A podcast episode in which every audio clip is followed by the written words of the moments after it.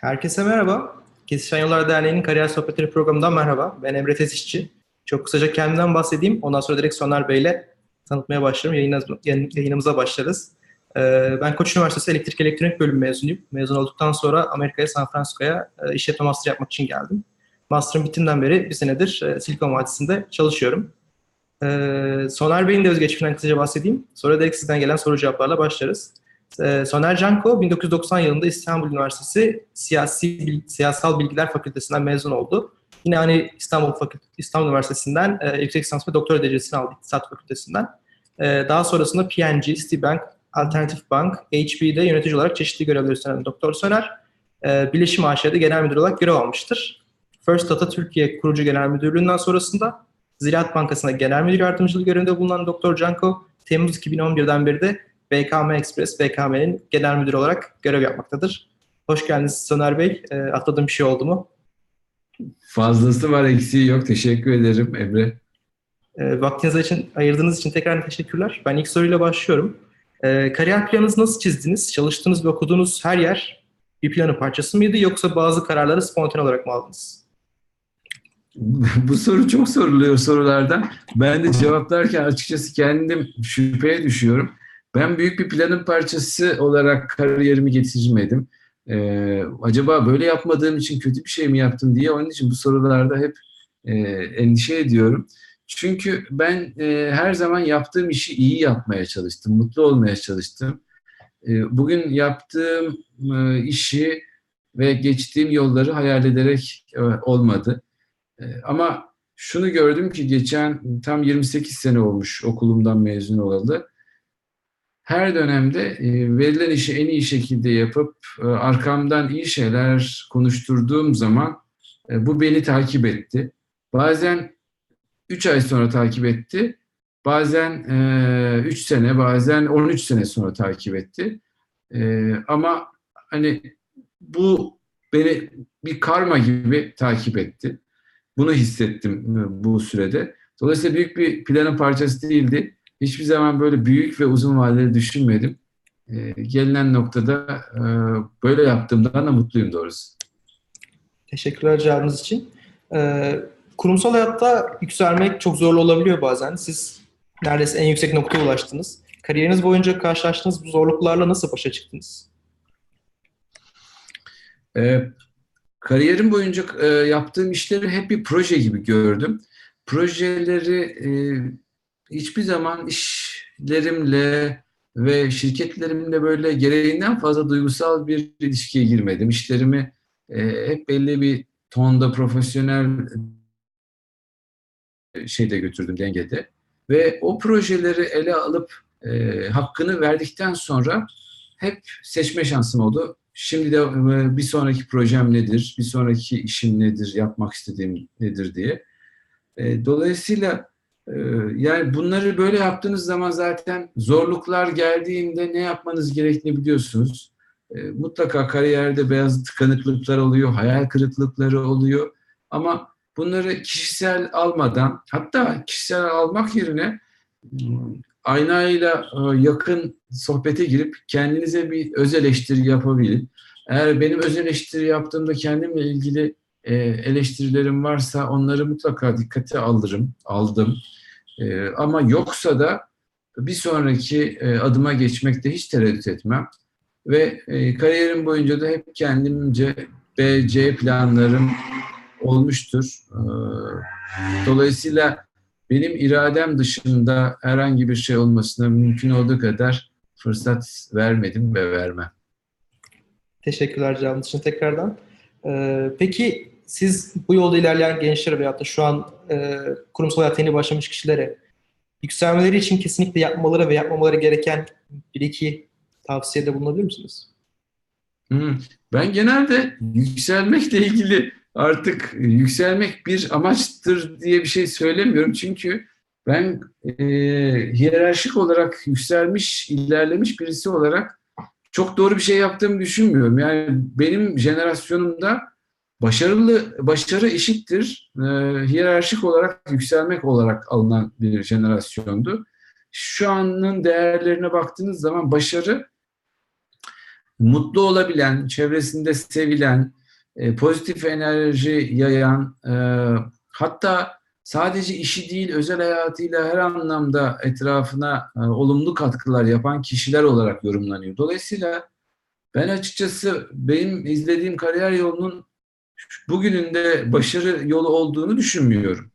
E, dolayısıyla e, bizi dinleyen arkadaşlara benim verebileceğim en önemli tavsiye kendi içlerinde tutarlı bir manifestoları olsun.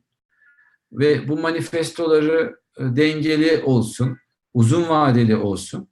Sonuçta geriye dönüp baktıkları zaman kendileriyle gurur duyabilecekleri bir iş olsun. Eğer böyle olursa günün sonunda 28 sene sonra sizler bu ekranlara bir gençlere seslendiğiniz zaman benim gibi bir ünvan şemsiyesi altında değil, tam tersine çok iyi yaptığınız bir işin sayesinde sesleniyor olacaksınız diye düşünüyorum. Dolayısıyla değişen değerleri de böylece kabul ettiğimi ifade etmiş oluyorum. Teşekkürler tekrardan.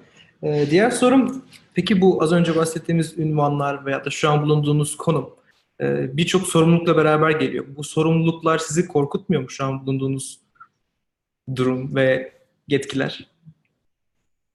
Ee, korkutmaz olur mu? Korkutuyor, korkutmalı zaten. Korkutmazsa e, başarılı olam, olamazsınız diye düşünüyorum. Ama korku öyle bir şey ki e, stresi de korkuyu da belli bir dengede yönetmek lazım. E, belli bir dozda stres ve korku her zaman insanı daha çok başarılı yapıyor diye düşünüyorum. E, ama e, rehavet içerisinde endişeleri olmayan kaygısız bir insan olmak hiçbir zaman e, hiçbir e, konuda başarı getirmez. E, korkularımızla baş etmeyi, kaygılarımızı e, yönetmeyi öğrenmemiz lazım. Bu hayatın içinde de var zaten. Sadece iş hayatıyla alakası yok.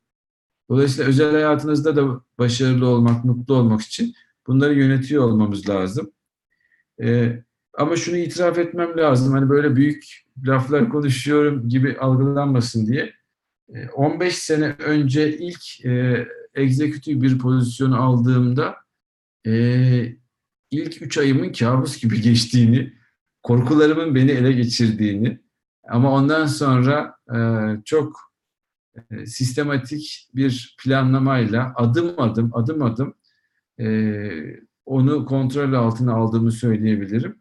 Yani bugün üzerinde, e, üzerimdeki sorumluluklarım hiçbir zaman e, beni korkutmuyor ama ben de onları yok saymıyorum. Teşekkürler tekrardan.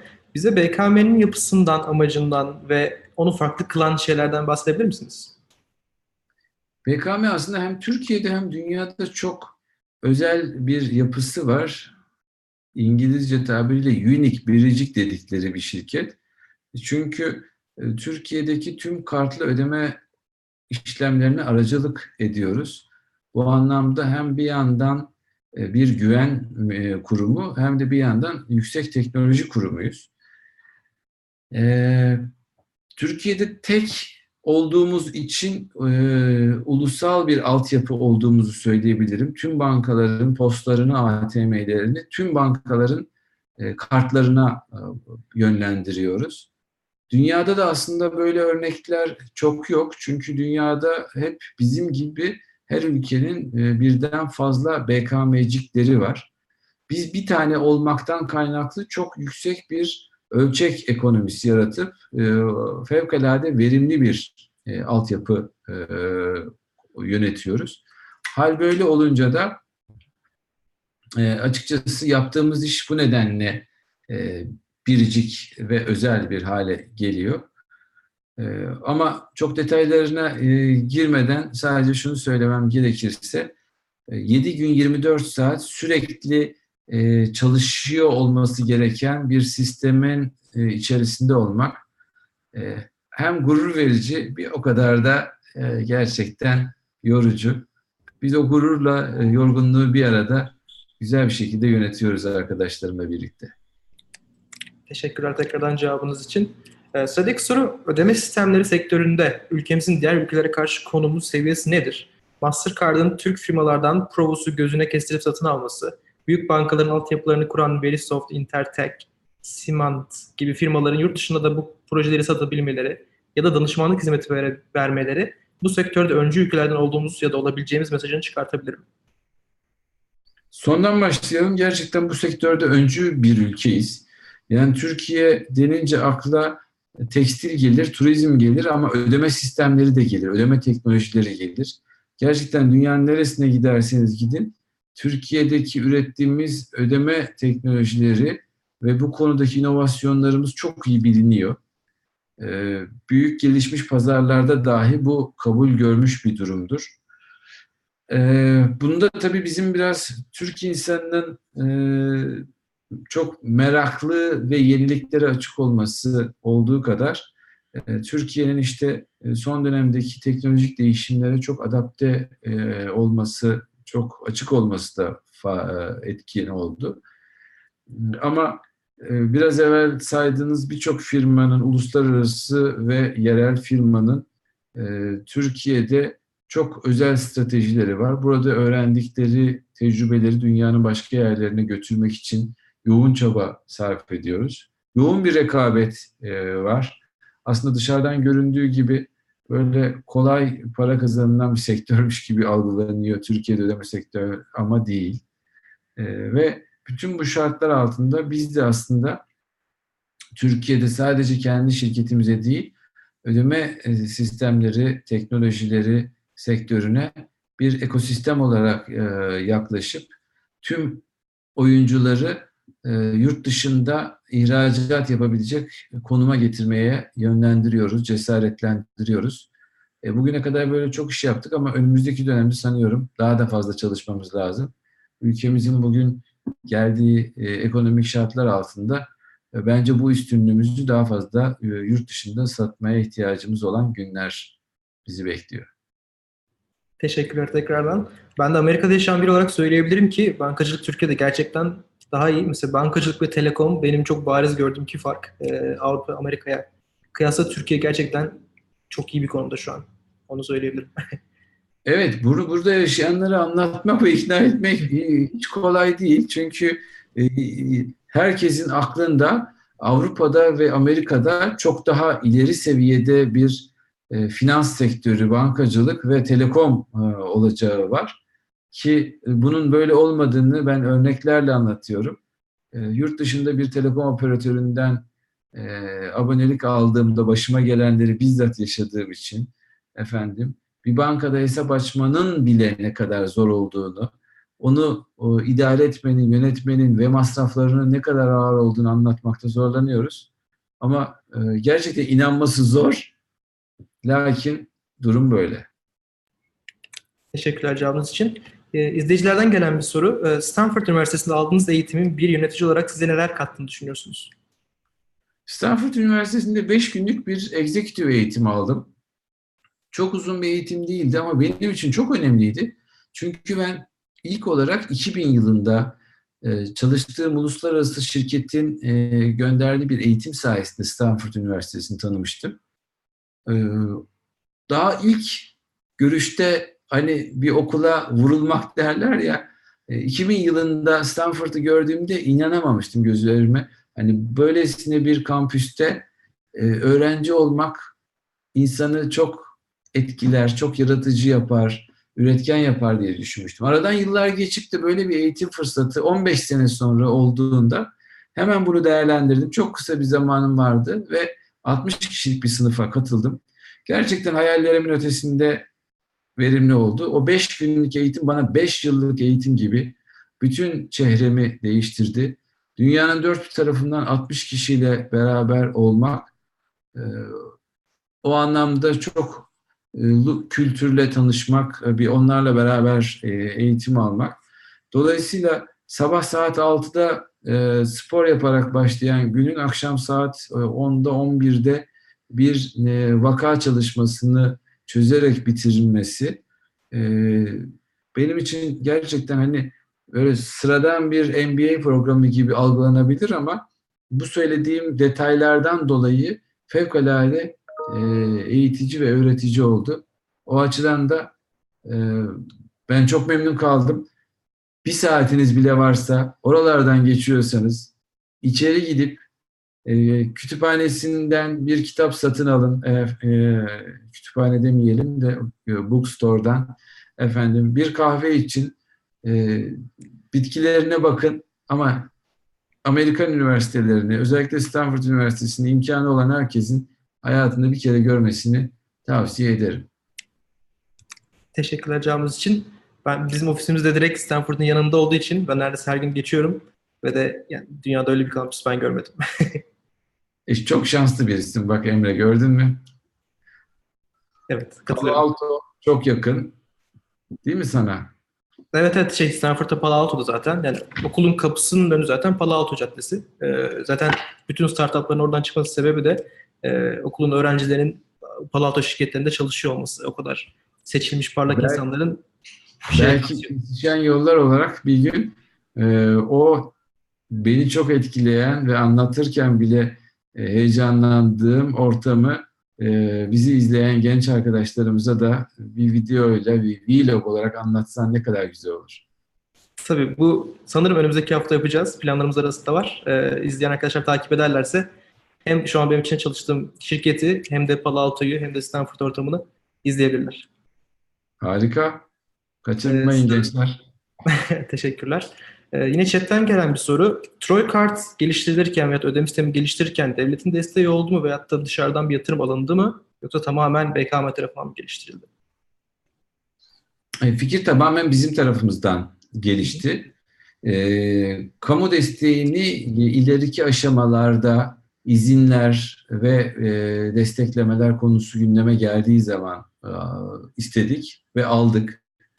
E, geliştirme gerçekten küçük bir e, ekiple tamamen içeride yaptık. Ama bazı e, bilgileri veya entelektüel mülkiyeti veya lisansları satın almak konusunda tabii biz de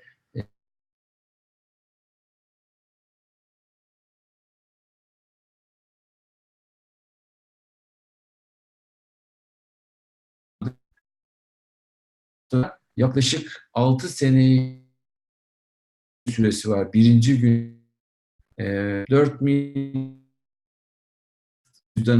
girdi. 6 yılın başında olduğumu e, düşünüyorum. E, önümüzdeki dönem için çok ümitliyim. İyi ki yaptık, iyi ki başladık dediğim bir proje oldu. E, sanıyorum ileriki yıllarda gurur duyarak geçmişe bakıp, bugünlere bakıp e, sizlere daha çok şey anlatacağım bir iş olacak. Teşekkürler cevabınız için. Ee, yine izleyicilerden gelen bir soru. Türkiye'de hem kurumların hem de son kullanıcının ödeme dünyasının maliyetleri neler olduğunu bilmeye ihtiyacı var. Ee, bu ana kalem maliyetlerden bahsedebilir misiniz? Ne gibi?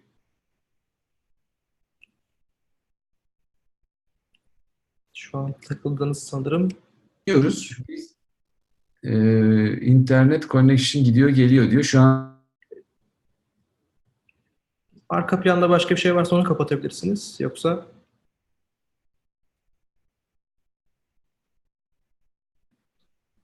bakalım. şu an İnternetten e, internetten dolayı diye düşünüyorum. şu an düzeldi sanırım ben. Şu anda rahat mıyız? Evet. Devam edelim o zaman. Türkiye'de akşam oldukça şimdi herkes e, daha çok film, daha çok spor izlemeye başlıyor muhtemelen ondandır diye düşünüyorum. Hmm, Ne demiştik? Nerede kaldık? Ben başını da duyamadım ama e, ana maliyetler neler bu ödeme sistemleri? Ana maliyetlerle ilgili web sitemizde e, bazı sayfalar var. Ben yayından sonra onları gönderirim. E, ama e, aklıma gelen en temel maliyet fonlama. En büyük maliyetlerden bir tanesi. E, ikincisi de operasyonel ve teknoloji maliyetleri. E, ama dünyadaki e, maliyetlerle kıyaslayınca özellikle Amerika'daki e, bir maliyetlerle kıyaslayınca bizim ülkemiz bayağı ucuz kalıyor.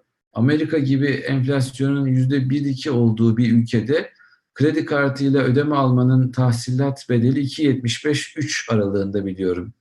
Mesela Square'e başvursanız bugün yüzde 3 ya da 2.75 aralığında bir maliyet ödüyor. Türkiye'de bugün bir işletme e, yüzde 1.7 ile başlayan işte yüzde 2 aralığında gezenen bir maliyetle artık e, kart kabul edebiliyor. Tabii ki önümüzdeki günlerde bu son yaşadığımız e, döviz kuru gelişmelerinin ve faizdeki artışlar, yansımalar olacak ama ne kadar yansırsa yansısın Amerika'daki seviyeye yükselmeyiz diye düşünüyorum.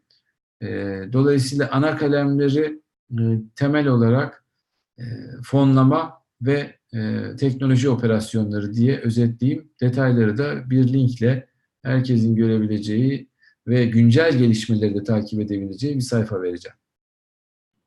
Teşekkürler cevabınız için. Sıradaki soru. Kripto paralar hakkında ne düşünüyorsunuz? Şu anda bilindiği üzere para olarak kullanabilecek kadar stabil bir durumda değiller. Fakat bir gelecekleri olabileceğini düşünüyor musunuz? Ee, Gelecekleri, sondan başlayalım yine. Gelecekleri olduğunu düşünüyorum. Ama şu anda alerjik bir kişilik e, içerisinde, alerjik duygular içerisindeyim. Çünkü gelecekleri olduğunu düşündüğüm kripto paralar şu anda tamamen bir kurtlar sofrasında, e, kurtlar ve kuzular arasında e, bir paylaşıma dönüşmüş durumda. İyi niyetli olmayan kişilerin iyi niyetli e, ama efendim e, nasıl söyleyelim e, suistimale açık kişileri suistimal ettiği bir ortam olduğunu düşünüyorum. E, Zira bu gelişmelerin fiyatlarına da baktığınız zaman e, son bir seneki iniş ve çıkışlar zaten orada spekülatif hareketler olduğunu, bunun ne teknolojik ne de efendim e, sürdürülebilir rasyonel gelişmeler olmadığını gösteriyor. Dolayısıyla genç arkadaşlarımıza tavsiyem kripto paralar konusunun kendisini kazancını değil teknolojisini merak edin. Ee, arkasındaki mantıkları öğrenin. iş modellerini anlamaya çalışın. Ee, ICO'ları, tokenları öğrenin. Ama e, sakın ha sakın küçücük tasarruflarınızı bile kripto paralar konusunda denemeyin derim. Ee, en fazla kaybedeceğiniz kadar yerde düşürseniz üzülmeyeceğiniz kadar küçük bir miktarla kendinize sırf hani bunu takip ediyorum demek için e, minicik bir e, takip tiki koymanız açısından öneririm. Çünkü önümüzdeki dönemde ben burada e, çok daha büyük suistimallerin, çalkantıların olabileceğini ama uzun vadede kripto paraların doğru iş modelleriyle e, güvenilir insanların elinde doğru yere oturacağına da inanıyorum, inanmak istiyorum. Teşekkürler cevabınız için. Ben yine Amerika'dan ufak bir bir şey daha ekleyebilirim. Ee, sizin de dediğiniz gibi kripto paralardan ziyade bunun teknolojisi, blockchain teknolojisi, Türkçesi tam nasıl oluyor bilmiyorum ama e, Blockchain bile kullanıyoruz. blockchain teknolojisi paradan ziyade çok daha farklı sektörlerde çok daha efektif olarak kullanılmaya başlandı. Ee, işte bilgi depolama, işte hastanelerde veyahut da raporlamalarda teknoloji olarak hayata çok daha hızlı bir şekilde geçmeye başladı. Ee, ben de az önceki cevabınıza tamamen katılıyorum. Para kısmından çok teknolojisine inceleyip yatırım yaparsanız ve kendinizi geliştirirseniz ileride çok fazla e, ilgili meslek dalı açılacağını düşünüyorum ben. Kesinlikle. Ee, sıradaki soru, gizli yoksa BKM olarak kripto paralara yönelik bir araştırmanız, bir girişiminiz var mı? Gizli yok. Az evvel söylediklerimle çok tutarlı şeyler yapıyoruz. Ee, dünyadaki mevcut kripto paralarla en ufak bir ilgimiz olmamakla beraber bir kripto para e, mantığı nedir, nasıl çalışır, e, blok zinciri teknolojisinde kripto paralar e, nasıl konumlanır merak ediyoruz. Bu merak ettiğimiz şeyleri de e, zaten tüm dünya ile paylaşıyoruz. Yine web sitemizde e, iki tane eser var. Bir tanesi Blockchain 101 adı altında blockchain'e dair bildiğimiz her şeyi bir kitapla ortaya koyduğumuz e, iki değerli arkadaşımızın kalemiyle ortaya çıkmış olan bir Türkçe e, kitap var. Bir de e, yine bu merakımızın sonunda yaptığımız ilk e, kavram kanıtlama, proof of concept çalışmasının e, sonuçları var. Bu projenin de adı BBN diye e, adlandırıldı. Bye Bye Nakit'in kısaltılması E, ve e, BBN projemizde bir kripto para kullandık. Kendi içimizde onun da adını keklik olarak adlandırdık ve o, olası bir kripto para e, nasıl kurgulanır, nasıl e, transfer edilir, nasıl yönetilir bir buçuk senedir yaklaşık deniyoruz. Senin de az evvel söylediğin gibi bu çeşitli geleceğe dönük bir e, çalışma e, ve e, kripto paranın geleceğini tahmin etmek için yaptığımız bir çalışma. Bugün için hiçbir amacımız yok. Biz bir buçuk senedir bir keklik bir kekliğe eşit olarak çalışmalarımıza devam ediyoruz. E, ama herkese bunu tavsiye ediyorum. Yani sonuçta e, bazı konular PowerPoint sayfalarında ve YouTube ekranlarında öğrenilmiyor. Denemek, uğraşmak, denettirmek, yorum almak gerekiyor. Biz bu anlamda üzerimize düşeni fazlasıyla yaptık e, ve bu e, edindiğimiz tecrübeleri de web sitemizde 1 liralık bir bağış karşılığı da herkesle paylaşıyoruz. Arzu ediyorsanız yayından sonra size bu linkleri de göndereyim. Bizi izleyen arkadaşları hem Blockchain 101 kitabımızı hem de e, BBN projemizin blockchain'in sırlarını öğrenmeye davet edelim. Çok teşekkürler. Paylaşırsanız biz de videonun alt kısmına ekleriz e, linkleri. E, sıradaki sorum BKM'de işe gire- girebilmek veya staj yapabilmek için neler yapmalı? E, izleyen arkadaşlara birkaç ipucu verebilir misiniz? Veyahut da süreçten bahsedebilir misiniz?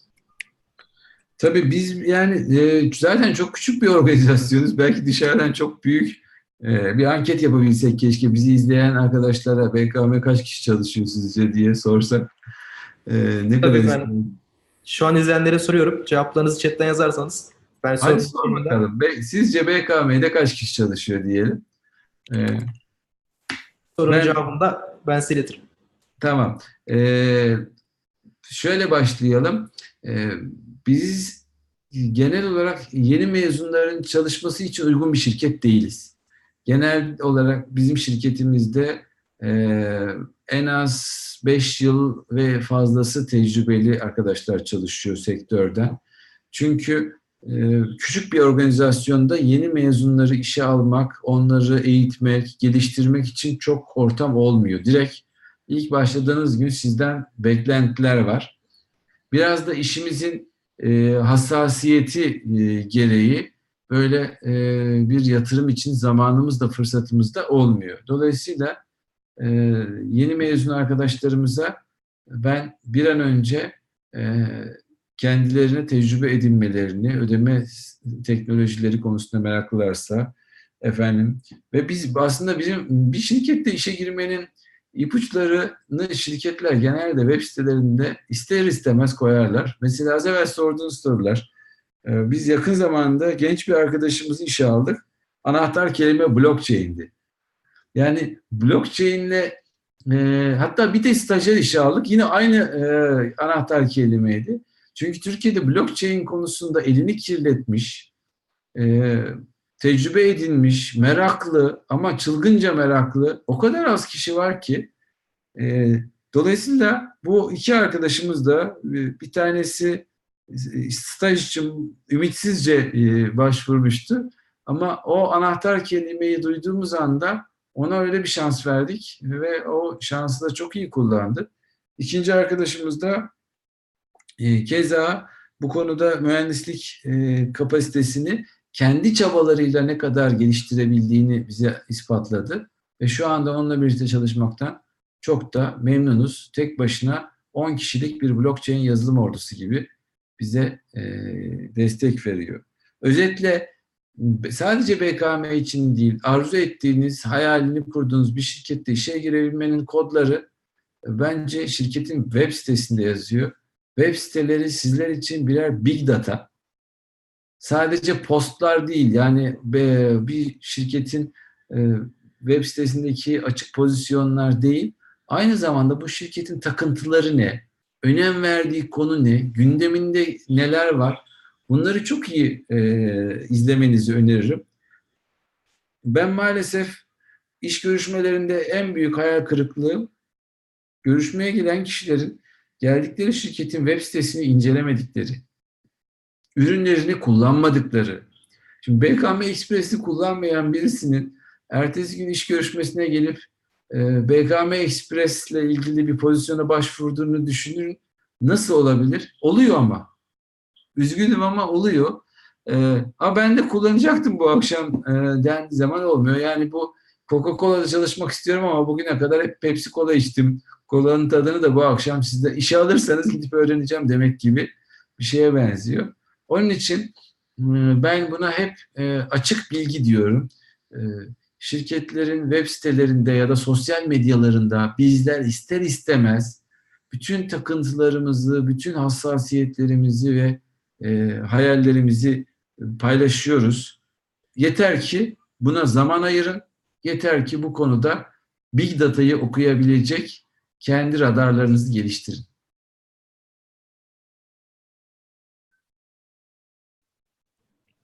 Teşekkürler. Bir an kendimi tam mute'layamadım. Gelen cevap arasında 50. Vedat 50 demiş. Ümit ve Deniz de 150 demiş. Ee, bu arada onları dileteyim. Ee, ikisi de 150 dediğine göre bir yerden bakmış gibi geldiler. Ben evet. 150'nin biraz altındayız. Vedat ve Deniz galiba duruma hakim. 140 e, bugün itibariyle. Yani boyutuna göre gerçekten az bir sayı. 140 kişilik bir şirkette biz aslında birbirinden farklı çok iş yapıyoruz bu, bu arada. Yani tek bir şirket değil. Bir yanda BKM Express, öte yandan Troy. Ee, ilk işimiz zaten BKM'nin kendi işi. Dolayısıyla e, bugün gelinen noktada durum bu. Teşekkürler cevabınız için. Ee, sıradaki soru. Şu an bankacılık sektörüne girmek isteyen gençler için e, ekonomi mi, işletme mi veyahut da hangi bölüm okumasını önerirsiniz? Çünkü ben şöyle bir şey ekleyeyim soruya. Bu direkt izleyiciden gelen soruydu. Ben elektronik mühendisi mezunuyum ama arkadaşlarımın yarısı şu an bankacılık sektöründe. Yani bankacılık sektörüne girmek için illa iktisat, ekonomi bu alanlardan okumak gerekiyor. Yoksa farklı bölümlerden de bankacı olunabilir mi? Bu alanda çalışılabilir mi? Bence olunur. Bizim, bizim beraber çalıştığımız e, arkadaşlar arasında inşaat mühendisi var. Efendim, uzay mühendisi var. Blockchain kitabımızın yazarı Ahmet Uzay İTÜ Uzay Bilimleri mühendisi. E, Chief Marketing Officer'ımız Serkan İTÜ e, inşaat mezunu. E, bence e, bölüm çok kritik değil. E, yeter ki hani sizin ne yapmak istediğiniz ve e, nereye yönelmek istediğinizle çok e, ilgili. Benim gibi siyasal bilgiler mezunu üzerine iktisat okumuş birisinin blockchain gibi bir teknolojiye merak duyuyor olması ne kadar anormalse dolayısıyla hani okunan bölüm ile bir sektöre giriyor olmayı ben o anlamda eski moda bir beklenti diye görüyorum. Ee, ama bölümden ziyade, okulun kendisinden ziyade önemli olan hedeflediğiniz şirketteki, hedeflediğiniz pozisyonla ilgili bir elinizde kaldıraç olması önemli. Dolayısıyla eğer bunu sağladıysanız ki bugünün dünyasında artık bunlar çok zor değil. Kapıları aralamak çok zor olmayacaktır diye düşünüyorum. Bankacılık sektörüne girmekle ilgili en önemli söyleyeceğim şey yani bankacılık sektörü derya deniz büyük bir alan. Hangi bölümünde ve ne işler yapmak istiyorum? Çünkü bir bankanın back ofisinde muhasebede de çalışmak veya yazılım geliştirme ekibinde çalışmak veya şubede satış ön yüzde bulunmak. Bunların hepsi birbirinden farklı. Ben mesela artık meslekleri bu anlamda şöyle farklı bir şekilde değerlendiriyorum. Diyorum ki bir bankada şubede çalışmak artık bir restoranda çok iyi servis yapan bir garson olmak veya bir otelde çok iyi efendim resepsiyonda ön büroda çalışan birisi olmak bunlar birbirine eşit şeyler. Çünkü çok iyi müşteri ilişkileri geliştiriyor. Ve öte yandan bir mutfakta çalışan sanatçı ruhlu bir ahçıbaşıyla büyük bir operasyon ekibini yöneten işine e, aşık bir bankacı. E, bunlar da işte back office için doğru profiller oluyor.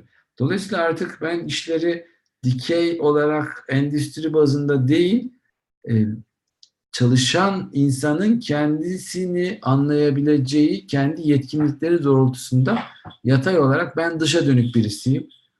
Limonata da satarım, banka hesabı da açarım Ee, ama yeter ki insan ilişkisi olsun. Ben bunu istiyorum e, demeyi e, veya teknoloji seven birinin ben insanla uğraşamam, teknolojiyi geliştireceğim, ortaya koyacağım, projelendireceğim, meraklıyım, gece gündüz okurum diye olması önemli.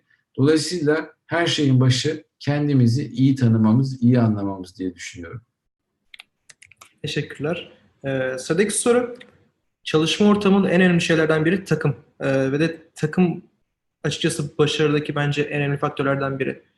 Ee, siz takım arkadaşlarınızı seçerken en çok nelere dikkat ediyorsunuz? Ve takım arkadaşlarınızı aradığınız teknik değil de biraz daha kişisel özellikler nelerdir?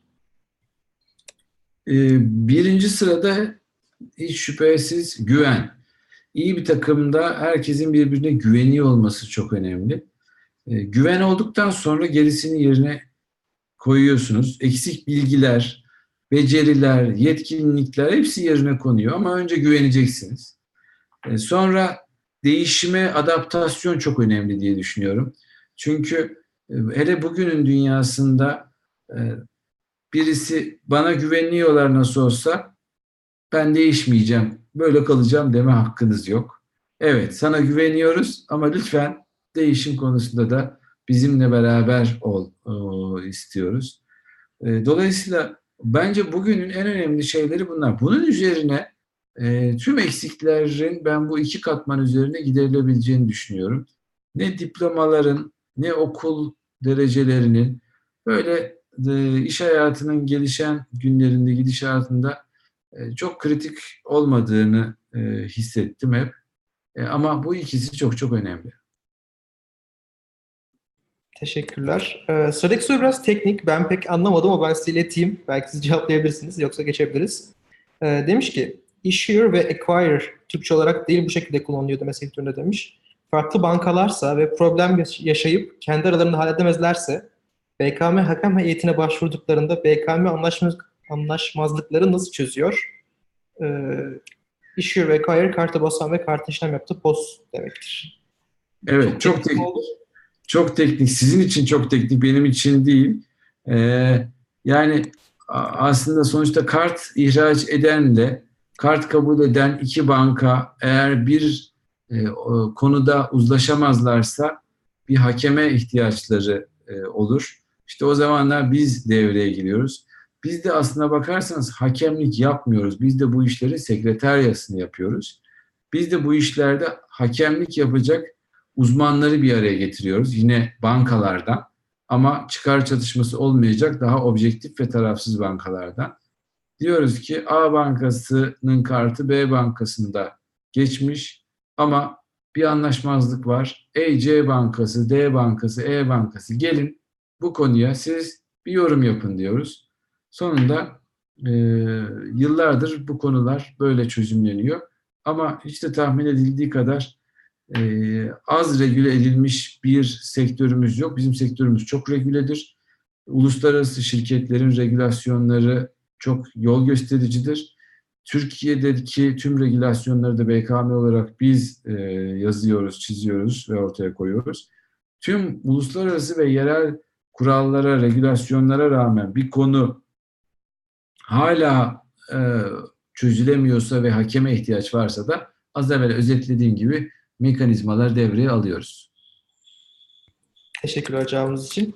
Ee, sıradaki soru. Genel olarak akademik hayatınızda ekonomi üzerine yoğunlaşmış olmasına rağmen e, PNG gibi farklı sektörlerde firmalarda tecrübeler kazanmışsınız. Bu kararınızın sebebi neydi diye sormuşlar.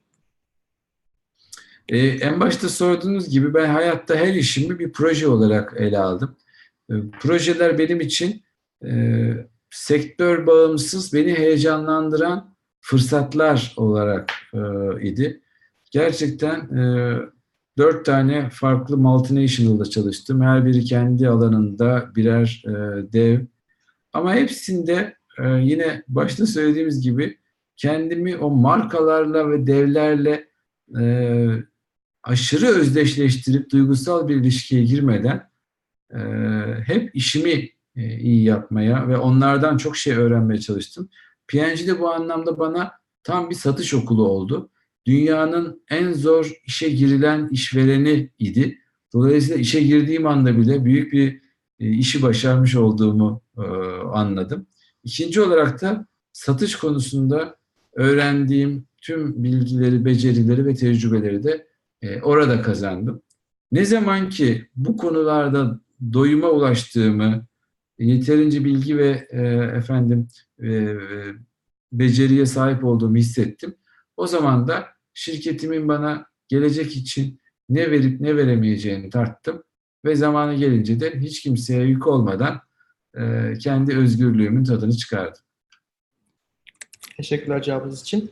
Sıradaki soru, ben de siber güvenlik alanındayım. Yine siber güvenlik alanında gelmiş. Siber güvenlik konusunda ülkemiz ne durumda? Özellikle bankacılıkta. Ee, mahrem veya önemli bilgilerimizin dışarıya karşı konulabilecek seviyeye geldik mi?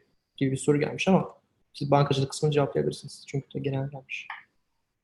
Yani siber güvenlik konusundaki en sıcak pazarlardan, ülkelerden bir tanesiyiz. Ama bu çok kırılgan bir yer olduğumuzu, ülke olduğumuzu değil, tam tersine çok sayıda aktivitenin, saldırıların ve savunmaların olduğunu, çok büyük miktarlarda yatırımların ve hareketliliklerin olduğunu söylemek için böyle söyledim. Dolayısıyla siber güvenlikle ilgili sadece siber değil, güvenlikle ilgili öğrendiğim bir şey var ki güvenlik hiçbir zaman bitmeyecek bir yolculuk. Hiçbir zaman ben oldum artık, yaptım artık deme lüksünüz yok.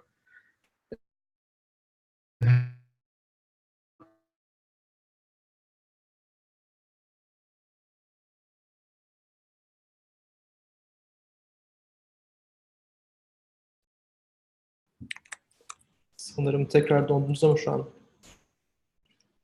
Donduk. Gel. Tek. Ben seni duyuyorum. Ben sizi hem göremiyorum hem duyamıyorum. Tazeleyelim. Ha, Aynen. Şu an geldi sanırım. Şu anda başladı. Yok, Başta.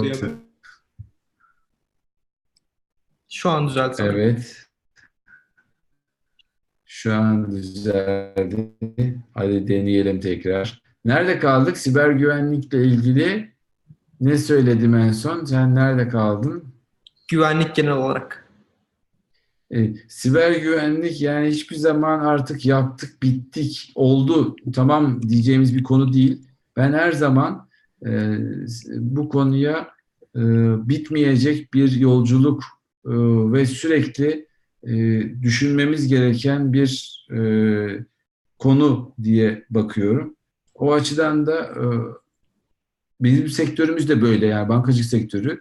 Bir bilgi zafiyeti ya da yatırım eksikliği olduğunu düşünmüyorum. En üst seviyede bankalarda bu konu ele alınıyor. En üst seviyede yatırımlar yapılıyor. Ee, Dolayısıyla bence en hassas sektör Türkiye'de bankalar. Bu konuda hiçbir e, endişeye yer yok. E, umarım diğer sektörlerde en az bankacılık kadar bu konuyu ciddiye alır. Teşekkürler cevabınız için. Sıradaki soru, e, elinizde bir fırsat olsa geçmişe dönüp bir şey değiştirmek isteseydiniz, neyi değiştirirdiniz? Valla hiç öyle bir pişmanlığım ya da şeyim olmadı açık söyleyeyim. Yani e, bu bir klişe değil. E, bazen ben de özgeçmişime şöyle bir bakıyorum. Oradan ayrılmasaydım ya da bunu yapsaydım diyeceğim hiçbir şey yok. E, çünkü ilk sorunuzda da söylediğim gibi hani ben zaten büyük bir plan ortaya koyup da bu planın bir zirvesine geldiğimi de düşünmüyorum. Bu geldiğim noktanın bir zirve olduğunu da düşünmüyorum. Dışarıdan öyle görünüyor olabilir ama e, beni en çok mutlu eden e, bildiklerimi, tecrübelerimi paylaşabilmek. E, dolayısıyla hani e, kariyerimde de her şeyi aklıma gelen, e, yapmak istediğim her şeyi yaptım. E, ve bundan sonrası için de daha çok paylaşmak, paylaşmak, paylaşmak düsturuyla ilerliyorum. Çok teşekkürler. Şu anda bizimle vaktinizi paylaşıyorsunuz zaten. Bizi izleyen onlarca, yüzlerce, belki binlerce kişiye e, önce oluyorsunuz diyebilirim. Şu anda kaç kişi izliyor bizi Emre? Anlık olarak 15 kişi var şu an ama toplamda 100'ün üzerinde. Yani bağlanan, ayrılan oluyor. Evet. Bir de sonrasında da offline izlenecek bir yayın. Aynen o binleri geçiyor. Harika, harika. Çok güzel. Bir kişi bile olsa ben çok mutluyum. Sayıdan değil. Ee, dilerim e, bazı arkadaşlarımızın e, aklına bazı işler düşürürüz. Fikirlerini açarız, zihinlerini açarız. Biz de iki sene önce yaklaşık ilk yola çıktığımızda yani yayınımızı o zamanlar 3-5 kişi seyrediyordu canlı olarak ama bir kişiye bile yardımcı olabiliyorsak bizim için e, yeterli oluyordu. Hayır, merak ettiğim bir şey var. Benim soru sorma hakkım var, bilmiyorum. Tabii tabii buyurun. Şimdi ben bu 28 sene sonra geldim. Sizler çok daha gençsiniz. Sizin yaşınızda olsam ben böyle bir şeye zaman ayırıp da e, yolları kesiştirmek için pazar sabahı saat 10'da San Francisco'da gezilecek çokça yer, görülecek çokça yer varken e, böyle bir özveride bulunur muydum? Emin değilim. E, bunu açık yüreklilikle söylüyorum. Yani e, belki bizlerin tecrübesi arttıkça, yaşı ilerledikçe e, böyle paylaşmak diye altını çizebiliyoruz. Ama sizlerin de bu genç yaşınızda, kariyerinizin başında böylesine sosyal fayda için bir iş yapıyor olmanızı da saygıyla karşıladığımı belirtmek istiyorum. Çok teşekkür ederim. Hem kendi adım hem herkes adına. Çünkü şöyle söyleyeyim. e, Biz yaklaşık 28 kişiyiz dernekte. Ve de herkes e, gönüllü olarak çalışıyor. Bu yaklaşık 5-6 kişimiz bu Silikon Vadisi'nde şirketler çalışan yani profesyonel kariyerinde devam eden kişiler. E, ama geri kalan 20-25 kişi üniversitede hatta lisede olan üniversite şey, öğrenciler. E, hepsi part time olarak vakitlerini alıyorlar. Hiçbir beklentileri veya karşı gelir e, beklemeden. E, yaklaşık şu an kesildiniz mi acaba? Ben mi kesildim?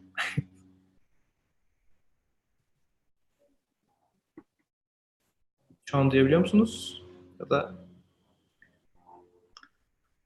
Geldi şu anda. tamam. Ee, çok hemen toplayayım. Ee, geri kalan 25 kişi üniversite ve lisede öğrenciler. Herkes vaktini ayırıyor. Şu an 5 tane programımız var. Bir tanesi bu kariyer sohbetleri. Ee, diğeri yurt dışında staj. Yurt dışında staja gelen öğrencilere ki yani Harvard, Stanford, MIT inanılmaz yerlere staja geliyorlar. Tıp stajlarına falan. Ee, bunlara burs veriyoruz.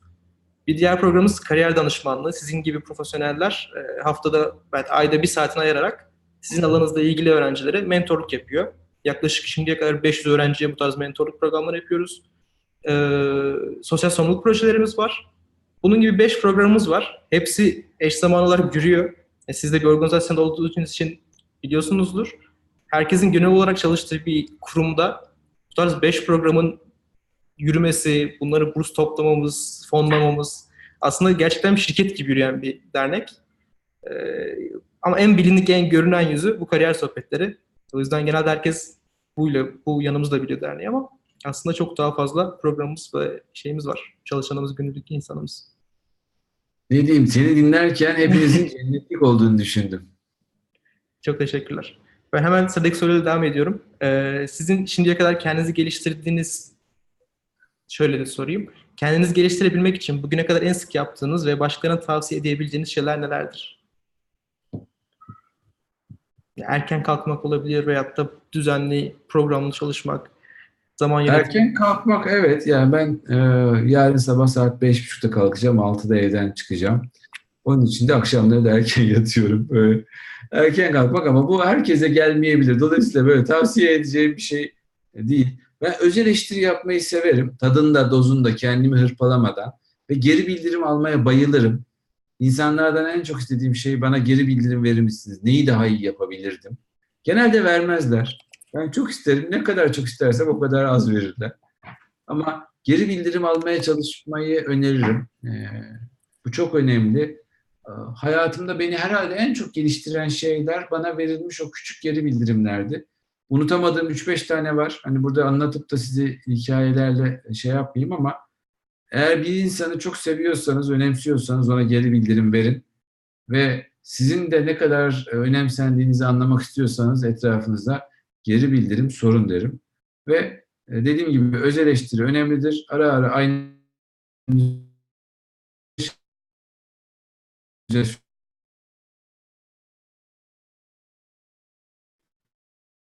ne yap nasıl yapıyorum? Emre koptuk mu? Yok ben en sonunda sesiniz tekrar düzeldi. Bir ara gittiniz geldiniz ama şu an duyabiliyorum. Gidiyor, geliyor. Amerika mı zayıf, ben mi zayıfım bilemedim valla burası mı? Ben sizin sesinizi alabiliyorum. Sadece görüntüde bir sıkıntı var. Ama devam edebilirsiniz. Görüntüde gelir diye düşünüyorum.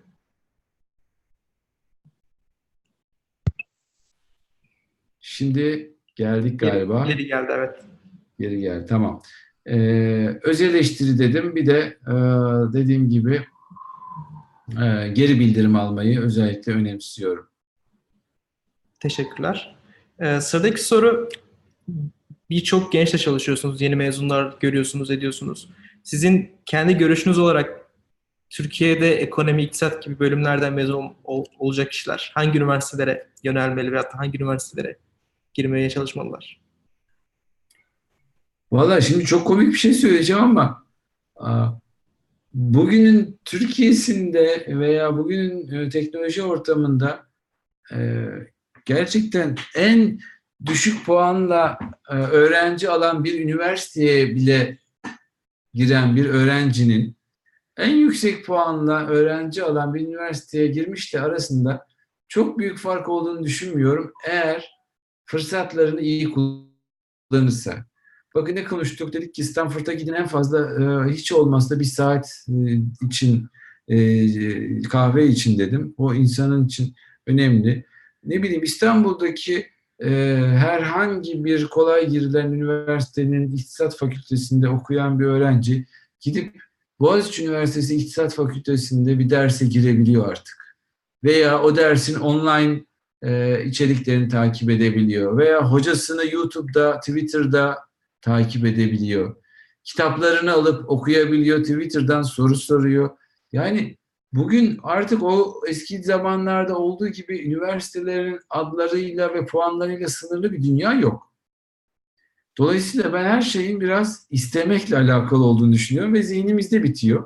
Eğer çok donanımlı, iyi bir iktisatçı, işletmeci olmak istiyorsa bir öğrenci, hangi e, bölüme gitmişse gitsin, şu teknolojinin nimetlerini bir parça kullandığı zaman en iyi üniversitenin birincisi olarak mezun olabilecek kadar fırsatı olduğunu düşünüyorum. Belki biraz abartmış olabilirim ama bunu hele ki biraz fiziki e, ortamları yerinde giderek, görerek, deneyerek, misafir olarak zorlarsa kesinlikle kat be kat yapacağını söyleyebilirim. Hani daha fazla örnek vermek istemiyorum ama bende çokça örnek var. En iyi üniversiteyi ilk 50'de bitirmiş ama en kolay üniversiteyi sonuncu bitirmiş öğrenciyle kıyasladığım zaman açıkçası insanın içinde azim olunca o aradaki fark çok rahat kapanıyor e, üniversitedeki 4 sene içerisinde. Teşekkürler cevabınız için. Ben de Böylece bir şey zor girilen okulları ve e, yüksek puanları e, inşallah zedelememiş olurum ama e, bakalım chatten sana eleştiriler gelecek mi? Yok ben de katılıyorum çünkü Silikon Vadisi'nden bir güncelleme vereyim. Ee, yani hiç üniversite mezunu olmayan ama Apple'da, Google'da inanılmaz pozisyonlarda çalışan çok fazla insan var. Ee, üniversiteye girmemişler bile. Kendilerini sosyal ve online ortamlarda o kadar fazla geliştirmişler ki işte ama sizin denize ek olarak şunu ekleyebilirim. Yaptıkları işleri de çok fazla paylaşıyorlar. İşte yazılımcıysa GitHub'da işte veya da farklı ortamlarda yaptığı işleri paylaşıyor ve bir, elbet biri bu yaptığı işi keşfedip ona bu işi sunuyor. Yani dediğiniz gibi üniversite çok etkili olmasa da başka şeyler uğraşıp yaptıkları işleri paylaştığı sürece bence keşfedile- keşfedilebileceklerdir. Evet, bir de bir konuyu da netleştirelim. Hani bu söylemlerim şey değil, yani eğitim önemsiz e, ve veya senin verdiğin örnekteki gibi lise mezunu dahi olsanız e, hayat kolaydır falan gibi bir şey söylemiyoruz. Tam tersine tabii ki e, iyi bir üniversiteye girmek, iyi puanlarla girmek, iyi derecelerle mezun olmak çok kutsaldır. Ama bunları yapamıyorsanız dünyanın sonu değildir. Kendinizi başka şekillerde geliştirerek e, aradaki açığı kapatıp hatta öne bile geçebilirsiniz diyoruz. Aman yanlış anlaşılma olmasın. Sonra gençleri e, farklı e, yönlendirmiş olmayalım. Tabii teşekkürler cevabınız için. Chatten Aybars sormuş. E, kendileri çalışmaktan bıkacağını düşünüyor mu? E, bilmiyorum genç duruyor ama kaç yaşına kadar aktif çalışmayı düşünüyor? Buna şey ekleyeyim. Ben de bir yayınınızı seyretmiştim. Sanırım Türkiye'deki en genç CEO'lardan birisiniz. E, Sanıyorum 34 yaşında e, genel müdür oldum. 15 senedir CEO'luk yapıyorum. Açıkçası o zamanlar sorsaydınız bana ben 48 yaşında e, emekliliğe hak edip ve e, aktif e, iş hayatını sonlandırmayı hayal ediyordum. Dünyayı gezmek, karavanla e, efendim bütün Avrupa'yı turlamak, sonrasında işte şunu yapmak, bunu yapmak gibi planlarım vardı ama zaman geçince e, değişim beni o kadar çok içine aldı ki şu anda gerçekten hani size az evvel söylerken kendimi kötü hissettim. 28 senelik mezun gibi değil. Hani e, açıkçası e, 3-5 sene önce mezun olmuş gibi meraklıyım. Hala da heyecanlıyım. Dolayısıyla hani yoruldum artık ben yetti falan diyecek bir e, yorgunluğum da oluşmadı. Bıkkınlığım, sıkkınlığım da oluşmadı. E, merakım beni götürdüğü yere kadar e, gitmek istiyorum. Ama şöyle bir hataya da düşmeyi kesinlikle düşünmüyorum ve herkesi de uyarıyorum. E, işimden bıktığım, sıkıldığım hissiyatı verip de etrafımdaki insanların benimle ilgili olumsuz e, duyguları düşünmeyeceği noktaya kadar yani marjinal verim eğrisinin zirvesine kadar iş hayatının içinde olmayı hayal ediyorum. O tuzağa düşmemeden. Çok teşekkür ederim. E, vaktimizin sonuna geldik. Sizden son olarak genel Türk öğrencileri için ne gibi tavsiyeleriniz var? Neler önerirsiniz? Genel olarak toplarsanız yayını kapatabiliriz. Vallahi e, şimdi e, ülkemizin içinde bulunduğu e, duruma bakınca ben Türkiye'den yaptığımız her işin e, çok katma değerli e, özel işler olması gerektiğini inanıyorum. Dolayısıyla bugün dünyadaki e, değişimi çok iyi okuyan, gelişmeleri merak eden bir gençliğe ihtiyacımız var. E, onun için de sizin aracılığınızla Türkiye'deki kariyer hazırlıklarını yapan tüm genç arkadaşlara e, önemli olan kendilerine böyle bir kariyer hedefi koyup o yolda gitmek değil, o güzergahın keyfini sürmek ve o güzergahtaki gelişimi hedeflemelerini daha çok e, önemsemelerini öneriyorum. Yani daha somut örnek vermek gerekirse ben 10 sene içerisinde CEO olacağım gibi hedeften ziyade ben ne yaparsam yapayım efendim endüstriyel tasarım işinde örneğin e, kendi adımı, ülkemin adını, okulumun adını en iyi temsil eden kişi olmayı istiyorum. Farklı bir şey yapmak istiyorum diye kendilerine hedef koymalarını e, öneriyorum.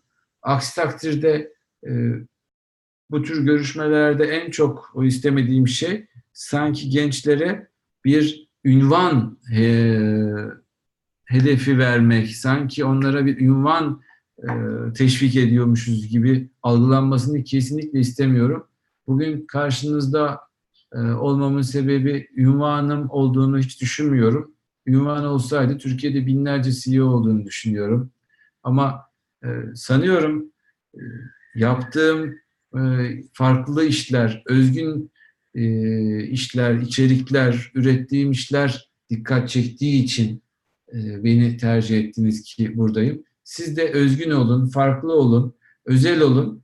E, ünvanlara, e, görüntülere, güce değil, ne olursa olsun kendinizi özel kılacak olan e, işlere e, asılın, hedefleyin e, diye son önerilerimi, kapanışım böyle yapayım sevgili Emre. Çok teşekkür ederim vaktiniz için. Ee, benim için çok bilgilendirici ve keyifli bir sohbet oldu. Umarım izleyen arkadaşlar da faydalanmışlardır. Ee, ben çok kısaca haftaya pazarki yayından bahsedeyim. Her pazar yapmaya çalışıyoruz yayınlarımızı. Ee, Stanford demiştik. Stanford Üniversitesi'nden İdil Ülengün var. Kendisi doktora sorusu araştırmalar yapıyor biyoloji üzerine. Ee, biyoloji, kendisi Sabancı mezun sonra Carnegie Mellon'da e, doktora çalışmalarını yapmış. Şu an Stanford'da e, doktora sorusu araştırmalarını yapıyor. Biyoloji, Stanford veyahut da yurt dışında eğitimle alakalı sorularınız varsa o yayını da takip edebilir, izleyebilirsiniz.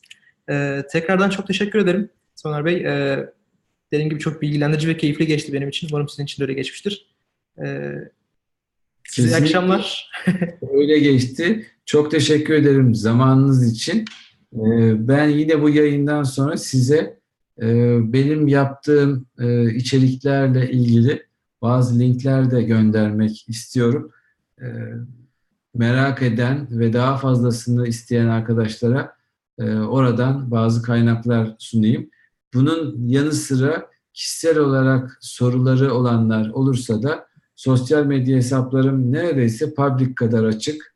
Twitter'dan DM, Instagram'dan e, mesaj göndermek isteyenlere efendim, LinkedIn'den yazılacak her şeye e, genelde 24 saat içerisinde cevap veriyorum.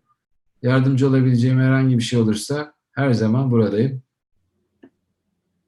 Çok Selamlar. teşekkürler. Bir sonraki yayında görüşmek üzere. Türkiye'dekilere iyi akşamlar. Yurt dışındakilere iyi günler. Kendinize iyi bakın. Hoşça kal Emre. Hoşçakalın.